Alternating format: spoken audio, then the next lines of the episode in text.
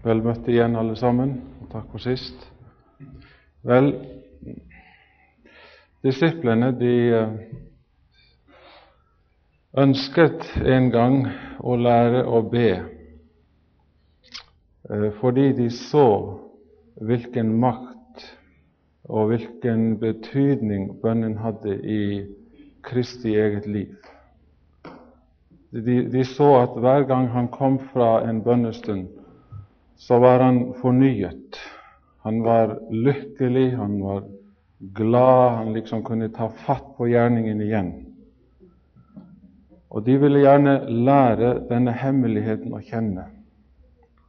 Ikke sant? Og de kom til ham og sa til ham, 'Herre, lær oss å be.' Og det gjorde han. Han lærte dem å be.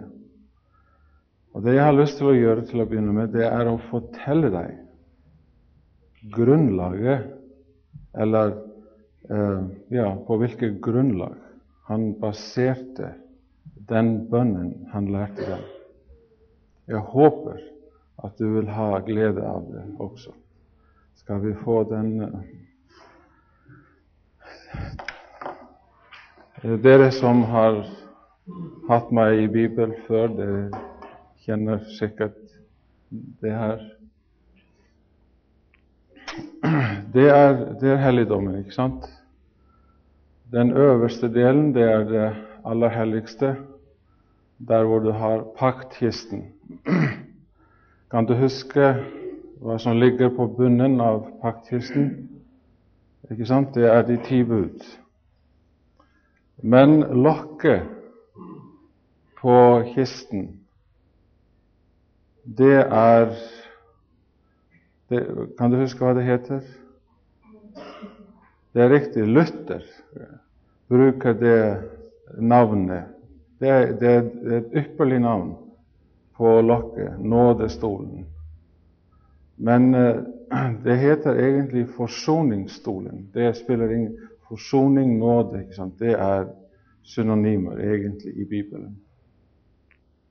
Så, ikke sant, budene som fordømmer oss fordi vi er ufullkomne, kan det ikke fordi lokket, korset, forsoningen, er mellom meg og Kristus.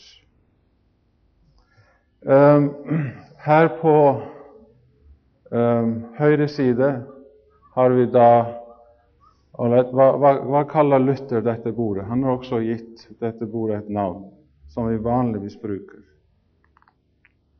Skuebrødsbordet. Men egentlig så heter det nærværsbordet, fordi Guds nærvær er der. Herrens åsyn er der, dvs. Si Faderens åsyn. Du kan kalle det for åsynsbordet eller nærværsbordet, fordi dette bordet er også Guds trone. Eh, så har vi et lite alter, en slags eh, stjerne, hvis vi kan kalle det det. Kan du se det? Eh, til venstre for nærværssporet, det er røkofferalteret. Og så har vi de syv lysestakene. Og nå regner jeg med at vi alle sammen omtrent da kan Fader våre utenat. Vi starter da i det aller helligste. Vår Far, du som er i himmelen. Og hva sier vi så tre ganger? Hellighet. Ja. Kom med ditt rike og skje din vilje. Ikke sant? Her har vi Herrens navn. Vi, vi snakker ofte om de ti bud som Guds karakter, som hans personlighet, som hans person. Fordi eh, det som her står, det er det som Gud står for. Så hans navn, hans rike, dvs. Si grunnloven i hans rike, eller til hans rike, har vi her. Hans vilje har vi her også. Så det vi egentlig gjentar tre ganger, det er at Det er et ønske om at Hans grunnlov, som er kjærlighet, måtte også bli grunnloven her på jorden. Det er ingenting i veien med denne grunnloven. Derfor, den fordømmer oss ikke fordi den er ufullkommen. Den fordømmer meg fordi jeg er ufullkommen. Denne loven her er egentlig kjærlighet. Den er god, den er hellig. Men siden jeg er synder, ikke sant, så fordømmer den meg. Men ikke sant, som vi sa i går kveld, hvis alle holdt denne loven, så ville vi ha et veldig godt samfunn her på jorden. Ingen tyver. Nedrustning vil ikke bli noe problem i det hele tatt, eh, osv. Og det er egentlig det som Christi, det er det første Kristus lærer dem. ikke sant? Hellighet vorde ditt navn. Og så sier vi 'Komme ditt rike og skje din vilje' tre ganger. Jeg tror ikke det er tilfeldig at Kristus ønsker at vi skal si det tre ganger, fordi i guddommen så har vi tre personer Faderen, Sønnen og Helligånden. De, står, de er enige om denne grunnloven. De står for denne grunnloven. De har lagd denne grunnloven og den er uforandrelig. fullstendig. Men nå skal vi ta oss en tur inn i det hellige. Eh, på nærværsbordet, som Luther kalte skuebrødsbordet, har vi brød og vin og røkelse. Kan du huske hva som står nest i, i, i Fader vår? Hva, hva kommer nest? etter disse tre ønskene der først. Gi oss i dag vårt daglige brød. Og det er det som vår Far ønsker å gjøre. Han ønsker at vi skal ha det godt på alle måter, både fysisk og åndelig. Og den neste setningen, hvordan lyder den, da? Forlat oss vår skyld, som vi forlater våre skyldnere. Det er Kristi oppgave ved røkofferalteret. Eh, røkelse betyr ganske enkelt, eller symboliserer ganske enkelt, Kristi fortjeneste. Eh, la oss bruke et annet ord Kristi forsoning. Og enda enklere kan vi si Kristi tilgivelse. Denne forsoningen tar Kristus fra alteret i forgården, dvs. Si, eh, fra korset, fordi alteret symboliserer Kristi kors. Eh, når Kristus hadde vunnet seier på korset og gjort forsoning for våre synder, så tok han sin fortjeneste, sin forsoning, inn i himmelen eh, foran Faderens trone for å anvende forsoningen på våre vegne. Korset ga Kristus retten til å tilgi. Uten korset kan ikke Kristus tilgi. Det lar seg ikke gjøre. Og Det derfor Kristus gjør i helligdommen, det er å ta imot våre ønsker om tilgivelse. Og der er det at han anvender sin fortjeneste, sin tilgivelse. Det er derfor vi sier i bønnen, ikke sant? og da tenker vi på Kristus i den himmelske helligdom, forlat oss våre synder. Det gjør han forlat oss våre synder. Og den siste delen av Vår Herres bønn, kan, vi huske den? Led oss Ja, og det er, det er Helligåndens oppgave, ikke sant? som symboliseres ved lysestakene. Han er det lyset som lyser opp veien foran oss og leder oss forbi fristelsene, forbi, forbi alt det gale, dersom, selvfølgelig, vi ønsker hans veiledning. Ellers ikke. Det, det er en selvfølge. Så det som Kristus egentlig gjorde da han uh, lærte sine disipler å be, det var å fortelle dem om de uh, mest fundamentale tingene i forbindelse med helligdomstjenesten. Hvordan det hele fungerer. Og Det som da vi egentlig kan si, er at når Kristus hadde lært dem å be, så hadde han, han lært dem å be om å bli frelst. Ikke sant? Det var det, det var det, han lærte dem. Han lærte dem ikke så mye å be om at de, de måtte klare en eksamen, selv om det er ålreit i og for seg, eller at de måtte ha hell når de selger en gammel bil og kjøper en ny en. Det er ålreit også. Det er ingenting i veien med å gjøre det, selvfølgelig. Men altså, det som var hovedsaken for Kristus, det var at de måtte lære å be om å bli frelst. Og det var det han lærte dem. Be om at du må få nåde til å holde de ti bud.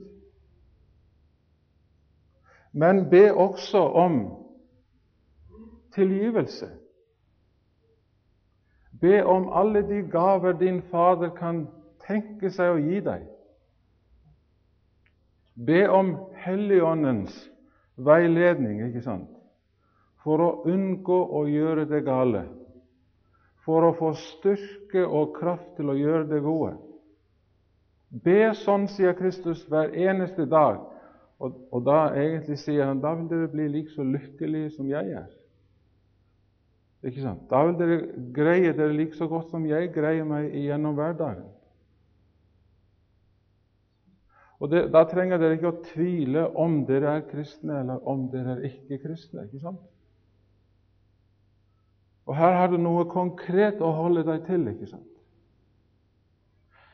Hvis du syns det er vanskelig å leve livet uten bilder, så kjøp deg et sånt kors. Ikke kanskje så stort som det her, men et lite kors. Plasser det på nattbord eller i stua. Ingenting i veien med det. Jeg liker å se disse bildene. Jeg må minne meg om disse tingene den ene dagen etter den andre. Jeg liker ikke å ha Kristus på korset, fordi Kristus eh, han, han, henger ikke lenger på korset. Han, han, har, han, har, vunnet seieren. Han er ikke på korset lenger. Jeg, jeg, jeg liker ikke å ha ham på et kors det, det er noe som tilhører fortiden. Eh, vi, vi uh, ofrer ikke Kristus gang på gang, som en annen kirke gjør. Det gjør vi ikke. Kristus har vært på korset, han er kommet ned fra korset fordi han har vunnet seieren én gang for alle. ikke sant? Og uh, det er én ting Kristus legger spesielt stor vekt på i forbindelse med, med Vår Herres bønn, som vi kaller den, eller Fader vår, som Luther kaller denne bønnen. Jeg tror vi skal lese det. Um, vi, dere husker at, at en del av bønnen er denne Forlat oss vår skyld, slik vi forlater våre skyldnere. Her har du en betingelse. Her har du en betingelse, og den er veldig viktig. Du må ikke overse den i det hele tatt. Og denne delen av Vår Herres bønn er den eneste delen Kristus spesielt kommenterer. Han sier i vers 14 i det sjette kapitlet hos Matteus. For dersom dere tilgir mennesker den urett de gjør mot dere, skal også den Far unnskyld, dere har i himmelen, tilgi dere. Hvis du tilgir, vil din Fader tilgi deg. Det vil si, hvis, hvis jeg hater et menneske, vil ikke Gud tilgi meg mine synder. Her er Gud konsekvent. Han kan, han kan tolerere veldig mange ting. Forskjellige læresetninger, forskjellige forståelser, profetier, hvordan den ene spiser, og, og, hvordan den andre spiser, og hvordan vi kler oss, og hvilken musikk vi hører på, osv. Disse, disse tingene vi ikke greier å tolerere hos hverandre, de tolererer Gud ganske, ganske greit. Han har veldig få problemer med disse tingene. Det er, det er vi som tror han har disse problemene, men det er egentlig oss som har dem selv. Men her er Gud, hvis jeg kan si det slik, overhodet ikke nådig. Enten tilgir du, og du er mitt barn, eller du tilgir ikke, og du er ikke mitt barn. Jeg vet ikke om noe sted i Skriften hvor Gud snakker så konsekvent. Og Kristus gjentar dette verset negativt. Han sier, 'Men om dere selv ikke tilgir, skal heller ikke Han tilgi dere det dere har forbudt. To ganger så sier Kristus det samme. Hvis ikke jeg elsker, er det ikke håp for meg. Overhodet ikke.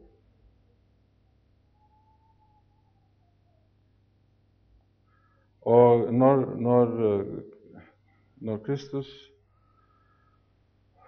forventer av oss at vi skal elske, så skal vi elske uten betingelser. Ingen, ingen betingelser. Du skal elske om ditt barn er godt eller vondt. Du skal elske om din mann eller kone er trofast eller ei.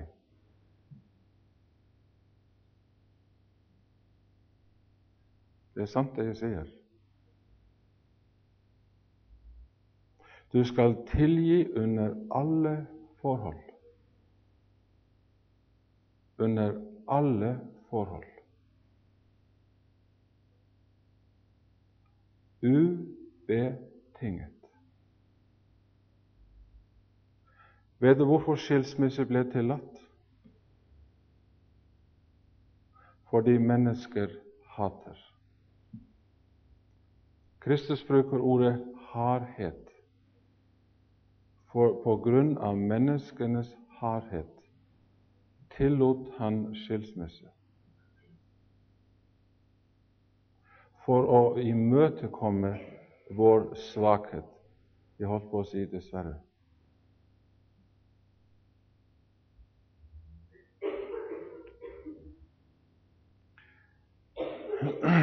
På fredag, fredagskveld har vi tenkt å ha nattverd her, dvs. Si morgenkveld.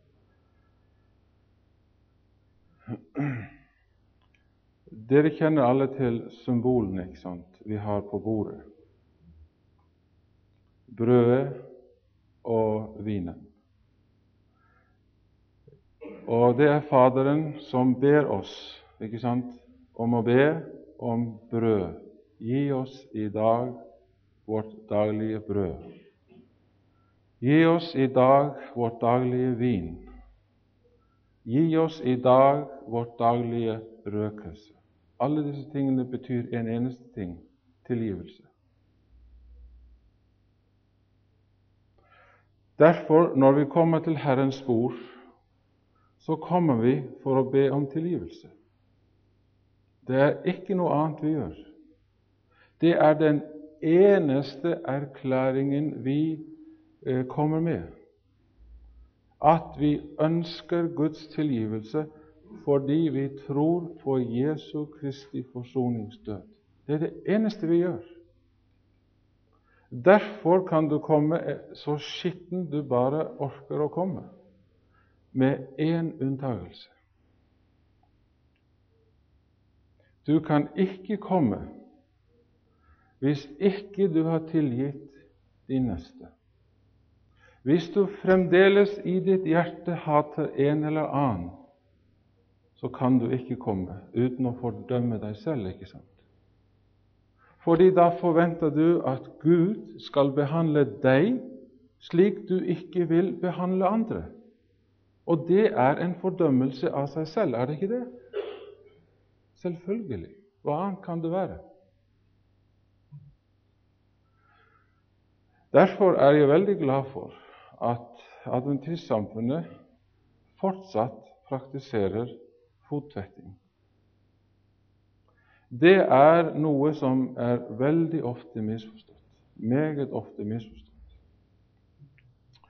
Vi snakker om, eh, om det som eh, en handling om ydmykhet, en handling om tjeneste osv. osv. Det er det egentlig ikke.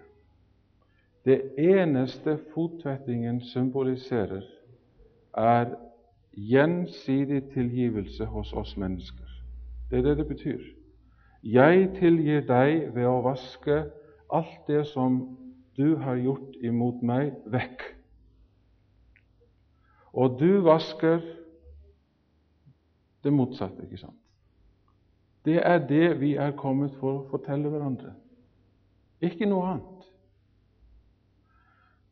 La meg likevel fortelle deg, hvis i tilfelle du har lyst til å delta i morgen, men kanskje høre disse tingene for første gang Hvis du ikke er sikker på fottvettingen i morgen, helt i orden. Fordi du ser, ritualet, symbolet i og for seg, betyr ingenting selv om det er en offentlig erklæring, ikke sant? og veldig viktig som sådan. Men hvis du fordi føler ubehag eller et eller annet, hvis det er første gang ikke sant? eller andre gang eller tredje, spiller ingen rolle. Du, jeg håper du forstår meg. Så sitt igjen her oppe. Og hvis du i ditt indre kan si til din Gud 'Jeg ønsker å tilgi alle. Jeg ønsker ikke å hate noen. Jeg ønsker å være god mot alle. Da kan du med god samvittighet komme og delta i Herrens tilgivelse dersom du ønsker det. Ikke Du, du, forstår meg. Jeg håper det av hele mitt hjerte. Jeg, jeg, jeg ønsker ikke at vi liksom skal kanskje dele oss opp i en gruppe her og en gruppe der, og her er de gode, og der er de slemme. ikke sant? Det, det, det vil vi ikke. Ingen er god, og ingen er vond. ikke sant? Vi er alle et eller annet der midt imellom. ikke sant? Men eh, eh, Kristus ikke sant, han har lært oss i, i, i denne bønnen ikke sant? Forlat oss vår skyld, slik vi forlater hverandre. Kristus har selv lært oss det der. Dette er ikke noe jeg finner på. Og Så husker du de to versene vi leste. ikke sant? Dersom jeg ikke tilgir, får jeg ikke tilgivelse. Men dersom jeg elsker og tilgir, da kan jeg komme og få tilgivelse. La oss lese igjen disse versene som Are leste for oss. De er veldig viktige. De er blitt tolket på mangfoldige måter. Og det er én ting jeg, aldri greier å akseptere. Det er å høre en fortolkning av Skriften uten at sammenhengen er brakt inn i bildet. Det, det er helt ufattelig. Kristus sier her, ikke sant um, Elsk hverandre, ikke sant? Og så stopper man der, og så sier man ja. Hvordan skal vi elske hverandre? Og så kommer alle mulige slags fantasifulle forklaringer på det.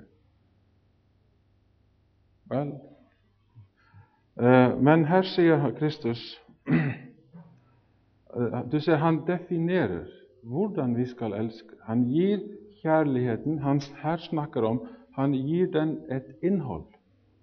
Og innholdet er dette Elsk hver andre slik jeg har elsket dere. Hvordan har han elsket oss? Her har du beviset korset.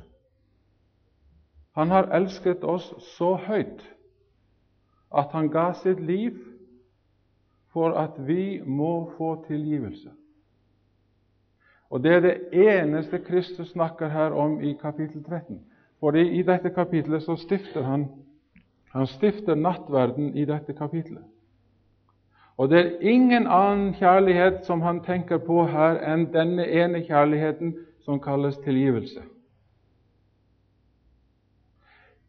Elsk hverandre slik jeg har elsket dere. Vask hver andres føtter slik jeg har vasket deres føtter. Han brukte det som et symbol, som et tegn på hvordan vi skal fjerne urenhet fra hverandre.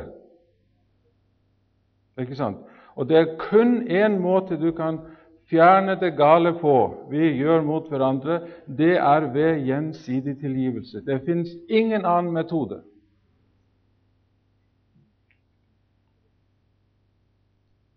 Hvis du virkelig ønsker å oppnå fred mellom deg og din neste, deg og din kone, deg og din eh, mann osv., deg og dine barn, og omvendt Det er ingen annen metode gitt under hele himmelen enn tilgivelse. Du kan prøve å bruke en tier, et sjokoladestykke, en reise Prøv hva som helst. Ikke noe av det her vil lykkes. Du vil aldri få fred unntagen gjennom tilgivelsen. Og Det vi da har tenkt å gjøre i morgen, det er, det er så enkelt. Det er så enkelt. Vi har tenkt å komme til Kristus offentlig ved å bruke hans egne symboler og si til ham vi ønsker å elske hverandre slik du har elsket oss, ved å tilgi hverandre, og vi ønsker å komme til deg og bli renset i ditt blod ennå en gang og ennå en gang. Ja, ennå en gang, ikke sant? Eh, Peter han forsto ikke dette helt da Kristus kom til ham og ønsket å vaske hans føtter. Og Peter sier til ham, 'Kristus, du får ikke vaske mine føtter.' Ikke på tale. Vet du hva Kristus sier til ham? Det er veldig alvorlig. La oss lese det. Kristus sier til Peter,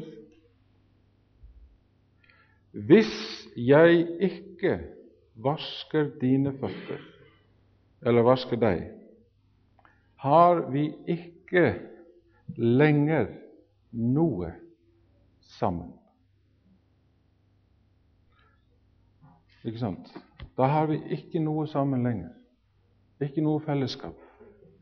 Vårt vennskap er forbi.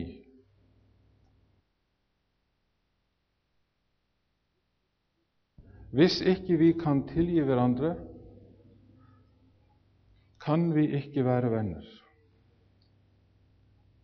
Og dette er egentlig hentet ifra tvettekaret. Du har det der nummer seks. Prestene de måtte vaske sine føtter og hender hver eneste gang de skulle inn i, i tabernaklet. De visste hva det betød. Hvis de gikk inn i tabernaklet og hatet en eller annen i menigheten, så kunne de ikke tre framfor Herren. Det var utenkelig, det var, helt, det var forbud mot det. Hvis jeg tillater meg å komme her på talerstolen sint på en eneste sjel her inne, eller på mitt barn, eller på min kone, da står jeg der uverdig og forkynner Guds ord. Jeg kan ikke gjøre det.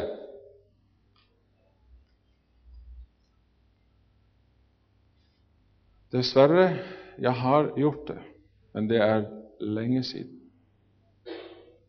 Det er ikke lett for meg å stå her en hel uke og forkynne Guds ord. Mye tid før jeg kom hit, gikk til selvransakelse og oppgjør. Og jeg sa til Gud, du må bevare meg igjennom denne uken her. Jeg kan ikke stå og, og, og, og forkynne Guds kjærlighet og hate noen samtidig. Det går ikke an. Det går ikke an. Det er uakseptabelt for Gud. Og Det, det visste prestene. Og, og de, de, vasket seg, hender og føtter, som et ytre tegn på at de var verken sint på kona eller barna eller noen som helst innenfor menigheten eller utenfor menigheten. Da kunne de komme inn i tabernaklet og tjene Gud på vegne av menigheten. Og det er egentlig det, det samme som vi det, det, det, Unnskyld meg. Det er det vi gjør ikke sant, når vi vasker hverandres føtter. Derfor kunne Kristus si til Peter hvis ikke, Peter, jeg får lov til å tilgi deg, hvis ikke du aksepterer min kjærlighet, min tilgivelse, da har vi ingenting sammen. Når nå Kristus hadde vasket deres føtter, ikke sant, og når de hadde spist brødet og spist vinen, vet du hva han sier til dem? Og drukket vinen, mener jeg. Vet du hva han sier til dem? Det er tre ord, og dem bruker jeg alltid på slutten av en nattverdstjeneste. La oss lese dem. De er helt fantastiske. Det står her 'Dere er rene'. Du kan bruke et annet ord hvis du vil. Dere er frelst. Dere er rettferdige. Dere er akseptert av Gud. Det er det han sier. Han sier godt nok ikke alle er rene, men, men det forstår vi fordi Judas deltok ikke i nattverden egentlig. Men alle de andre, de, elleve, de gjorde det. Prøv å, å, legge merke til det jeg har nå lyst til å si. Det har betydd veldig mye for meg. For, for meg. Unnskyld. Det har betydd veldig mye for, for meg. Kristus visste, når han uttalte disse ordene, 'Dere er rene', da visste Kristus at om noen få timer ville Peter falle i synd og fornekte ham. Men i dette gitte øyeblikket, da Peter hadde tatt imot Kristi tilgivelse og tilgitt sine venner, da er han erklært for å være ren. Og du kan vedlikeholde din renhet ved å komme igjen og igjen 70 ganger 7 for å bli renset. Kristus visste også at lenge, lenge senere ville Peter oppføre seg som en hykler og bli irettesatt av Paulus. Men likevel kunne Kristus si til Peter, 'Du er ren, Peter'. Og Han kunne også ha sagt til ham, selvfølgelig, 'Peter, bevar din renhet'. Og det gjorde Peter. Fordi etter at han hadde fornektet sin Herre, kom han og ba om tilgivelse. Enda en gang og enda en gang og enda en gang. Og slik døde Peter, ren i Kristus. Hvorfor kan ikke du da slappe av og glede deg over at du er en kristen? Hvorfor er du en kristen? Ikke fordi du er god, men fordi du har trodd. Ikke sant? Fordi du trodde på tilgivelsen. Fordi du trodde på tilgivelsen. Eh, som alt sagt, i morgen har vi lyst til å si dette ved bruken av symboler. ikke sant? Jeg har ikke lyst til å si mye i morgen, helst ingenting. Jeg har lyst til at vi skal synge mye hvis vi har mye sang.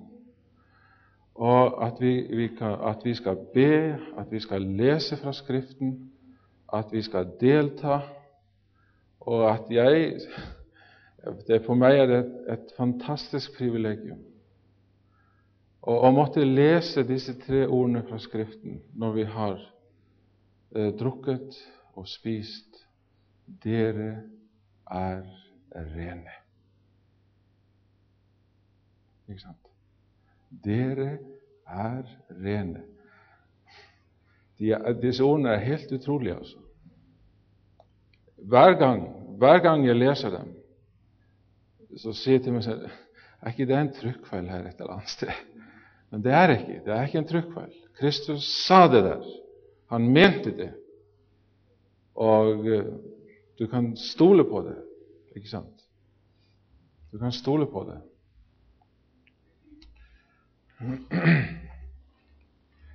Vel, egentlig hadde jeg ikke tenkt å si mer i kveld. Eh, vi holdt på lenge i går kveld og dagen før. Men eh, hvis jeg kan si det sånn, for meg så er det jeg har fått lov til å si her i kveld, det er en slags dessert. Det det er noe av det aller, aller beste jeg kan tenke meg. Og eh, når eh, Satan vet at jeg skal snart delta i desserten, ikke sant, da, da får han en temmelig sur dag. Jeg kan forsikre deg, i morgen blir han kjempesur når vi kommer her for å delta i denne fantastiske desserten. Han blir kjempesur, men det fortjener han egentlig. Det er sant, det. Ikke sant, Toril? Ja. Um, jeg tror jeg kanskje avslutter med en bønn.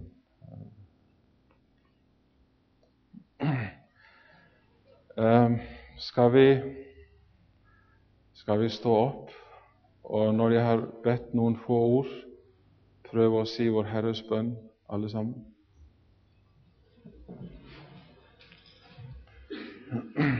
Trofaste himmelske Far, vi kommer til deg, og vi takker deg for uh, forsoningen igjen som Kristus har vunnet på korset for vår skyld.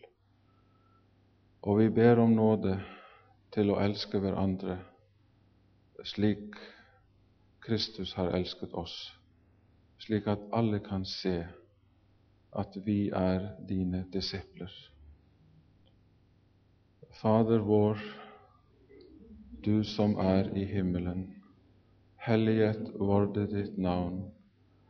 Komme ditt rike, skjer din vilje. Himmelen så på jorden. Gi oss i dag vårt daglige brød. Forlat oss vår skyld, som vi forlater våre skyldnere. Og led oss ikke inn i fristelse, men frels oss fra det onde.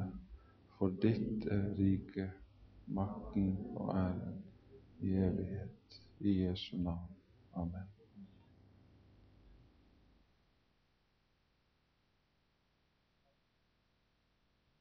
Salme 23 Herren er min hyrde, jeg mangler ingenting. Han lar meg ligge i grønne enger, han fører meg til vann der jeg finner hvile, og gir meg ny kraft. Han leder meg på de rette stier for sitt navns skyld. Selv om jeg går i dødsskyggens dal, frykter jeg ikke for vondt, for du er med meg, Din kjepp og din stav, de trøster meg. Du dekker bord for meg like for øynene på mine fiender. Du salver mitt hode med olje, mitt beger flyter over. Bare godhet og miskunn skal følge meg alle mine dager, og jeg får bo i Herrens hus gjennom lange tider. Jeg har lyst til å si noen få ord, hente de fra Johannes evangeliet, det 13. kapittel. Jesus er eh, sammen med sine disipler for siste gang før han blir korsfestet. Eh, han har også lengtet til denne kvelden å være sammen med disiplene, fordi han, han hadde så stor lyst til å lære dem noe spesielt. Det er det siste påskemåltidet og den første nattverden. Da Kristus kommer til Peter og ønsker å få lov til å vaske hans føtter, da sier Peter til ham, 'Kristus, det kan du ikke få lov til å gjøre.'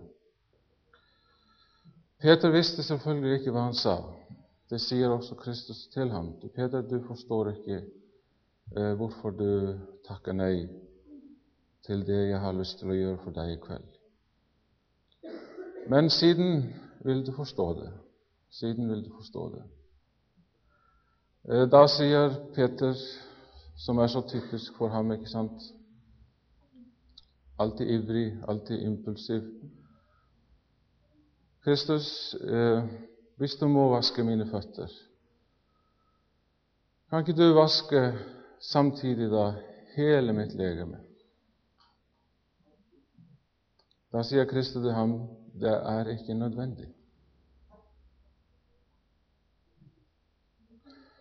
Eh, den som en gang er blitt vasket, og her er det at Kristus refererer til den dåpen Peter ble døpt med, trenger ikke å bli vasket igjen. Men samtidig så sier liksom Kristus til Peter men hvis du ønsker å vedlikeholde dåpen, så gi meg lov til å vaske dine føtter. Det vil si fjerne den eventuelle urenheten du har pådratt deg siden du ble døpt. Du ser, i dåpen får mennesket offentlig Kristi rettferdighet.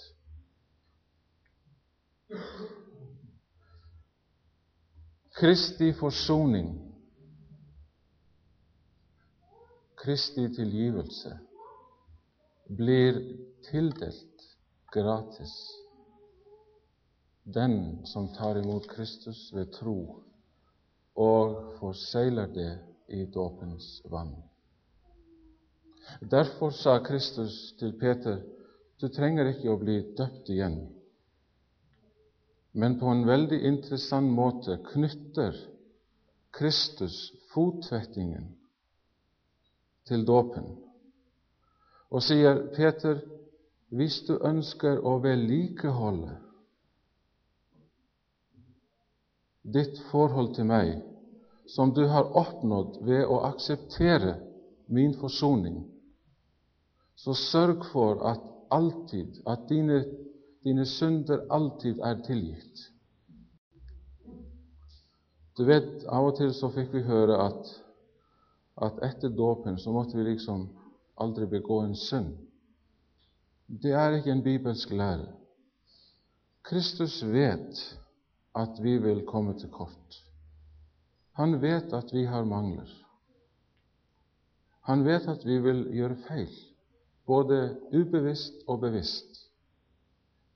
Derfor må vi på en måte til stadig fornye dåpspakten, hvis du vil, gjennom bekjennelse av våre synder og ved å delta i nattverd Og som vi har sagt i går, ikke sant Vi forbereder oss selv til nattverden ved å vaske hverandres føtter. Det vil si, vi tilgir hverandre, ikke sant? Det er det som Jesus lærte oss i vår Herres bønn. Forlat oss, skyld, forlat oss vår skyld, slik vi forlater våre skyldnere. Ikke sant?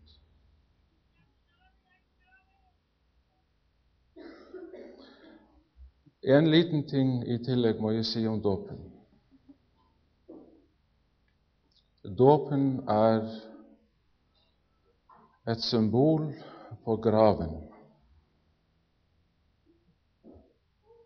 Og ofte så har jeg sett på graven som det eneste, kanskje, vi mennesker har til felles.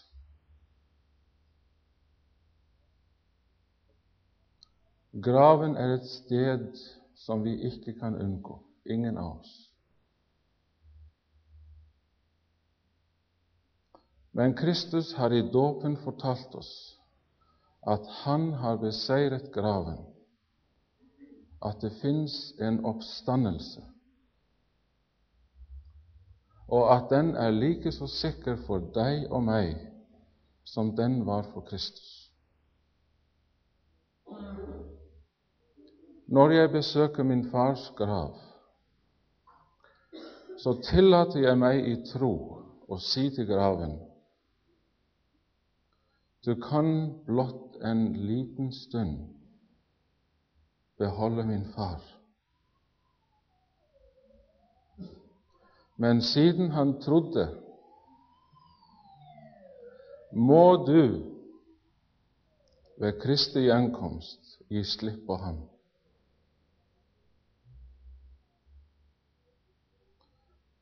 Disse symbolene som vi har i kristendommen, de er helt enestående. Men det vi må gjøre, det er å minne oss på disse symbolene og anvende disse symbolene mye, mye oftere enn det vi gjør.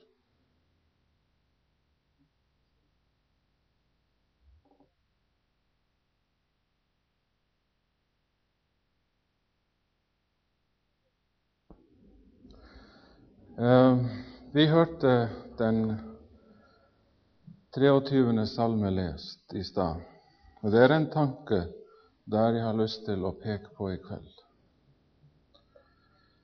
David sier det slik Du dekker bord for meg, like for øynene på mine fiender. David refererer her til nærværsbordet i tabernaklet. På dette bordet sto det brød, vin og røkelse, symboler på Kristi tilgivelse. Og David visste, han var helt sikker på at når dette bordet sto imellom ham og Satan, så hadde Satan ikke den minste sjanse. Tenk på det. Derfor kan han åpne salmen med å si Herren er min hyrde. Jeg mangler ingenting. Når jeg har Herrens tilgivelse mellom meg og min anklager, mangler jeg ingenting. Ikke noe. Aldri. Aldri. Han lar meg ligge i grønne enger. Han fører meg til vann, der jeg finner hvile, og gir meg ny kraft.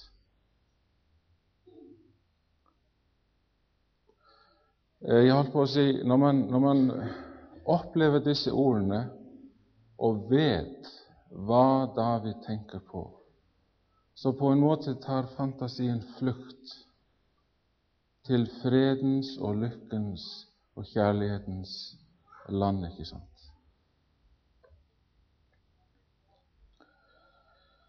Så sier han her til slutt bare godhet og miskunn skal følge meg alle mine dager. Det, er ingen tvil, ikke sant? Fordi David prøver ikke å gjøre her noe som han presterer i sin egen styrke eller egen makt. ikke sant? Han tar imot en gave. Han tar imot tilgivelsens gave. Bare godhet, bare godhet og miskunn skal følge meg alle mine dager. Og jeg får bo i Herrens hus, ikke sant? I Herrens tabernakel, i Herrens tempel, der hvor nattverdsbordet er, der hvor korset er, der hvor nærværsbordet er, der du har tilgivelse hele døgnets 24 timer. Det er bare nåde å få der, aldri noe annet enn nåde. Og der får jeg bo gjennom lange, lange, lange tider.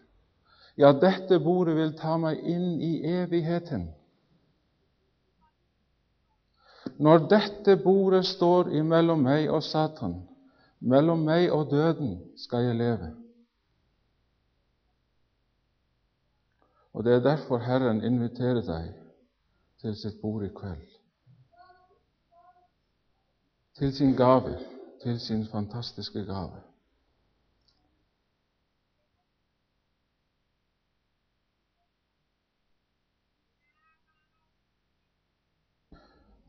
I Johannes evangeliets 17. kapittel har vi disse tre ordene nedtegnet.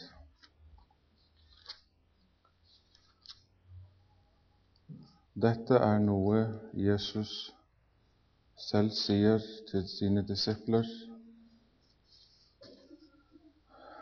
og også til oss. Når de hadde deltatt, så kunne han si, dere er rene. Som jeg har sagt så mange ganger før, så syns jeg disse ordene er helt ufattelige. Men du vet, når en mor sier til sitt barn Selvfølgelig tilgir mor det du har gjort, ikke sant? Da er barnet rent igjen. Da har barnet ren samvittighet. Og det kan gå ut og fortsette å leke, ikke sant? Og det er på samme vis med oss mennesker. Når vi har tatt imot Kristi tilgivelse, ikke sant? Når vi har tatt imot vår, vår Fars tilgivelse, så kan Han liksom si til oss dere er rene. Du er ren. Du kan bruke andre ord hvis du vil, et ord som vi nesten ikke tør ta på våre lepper. Du er frelst. Du er akseptert av Faderen. Det er ingenting som skiller deg og Gud ad lenger. Ingenting. Du kan bo i Herrens hus til evige tider. Alt hans er ditt. Du er ren i Jesu navn. Amen.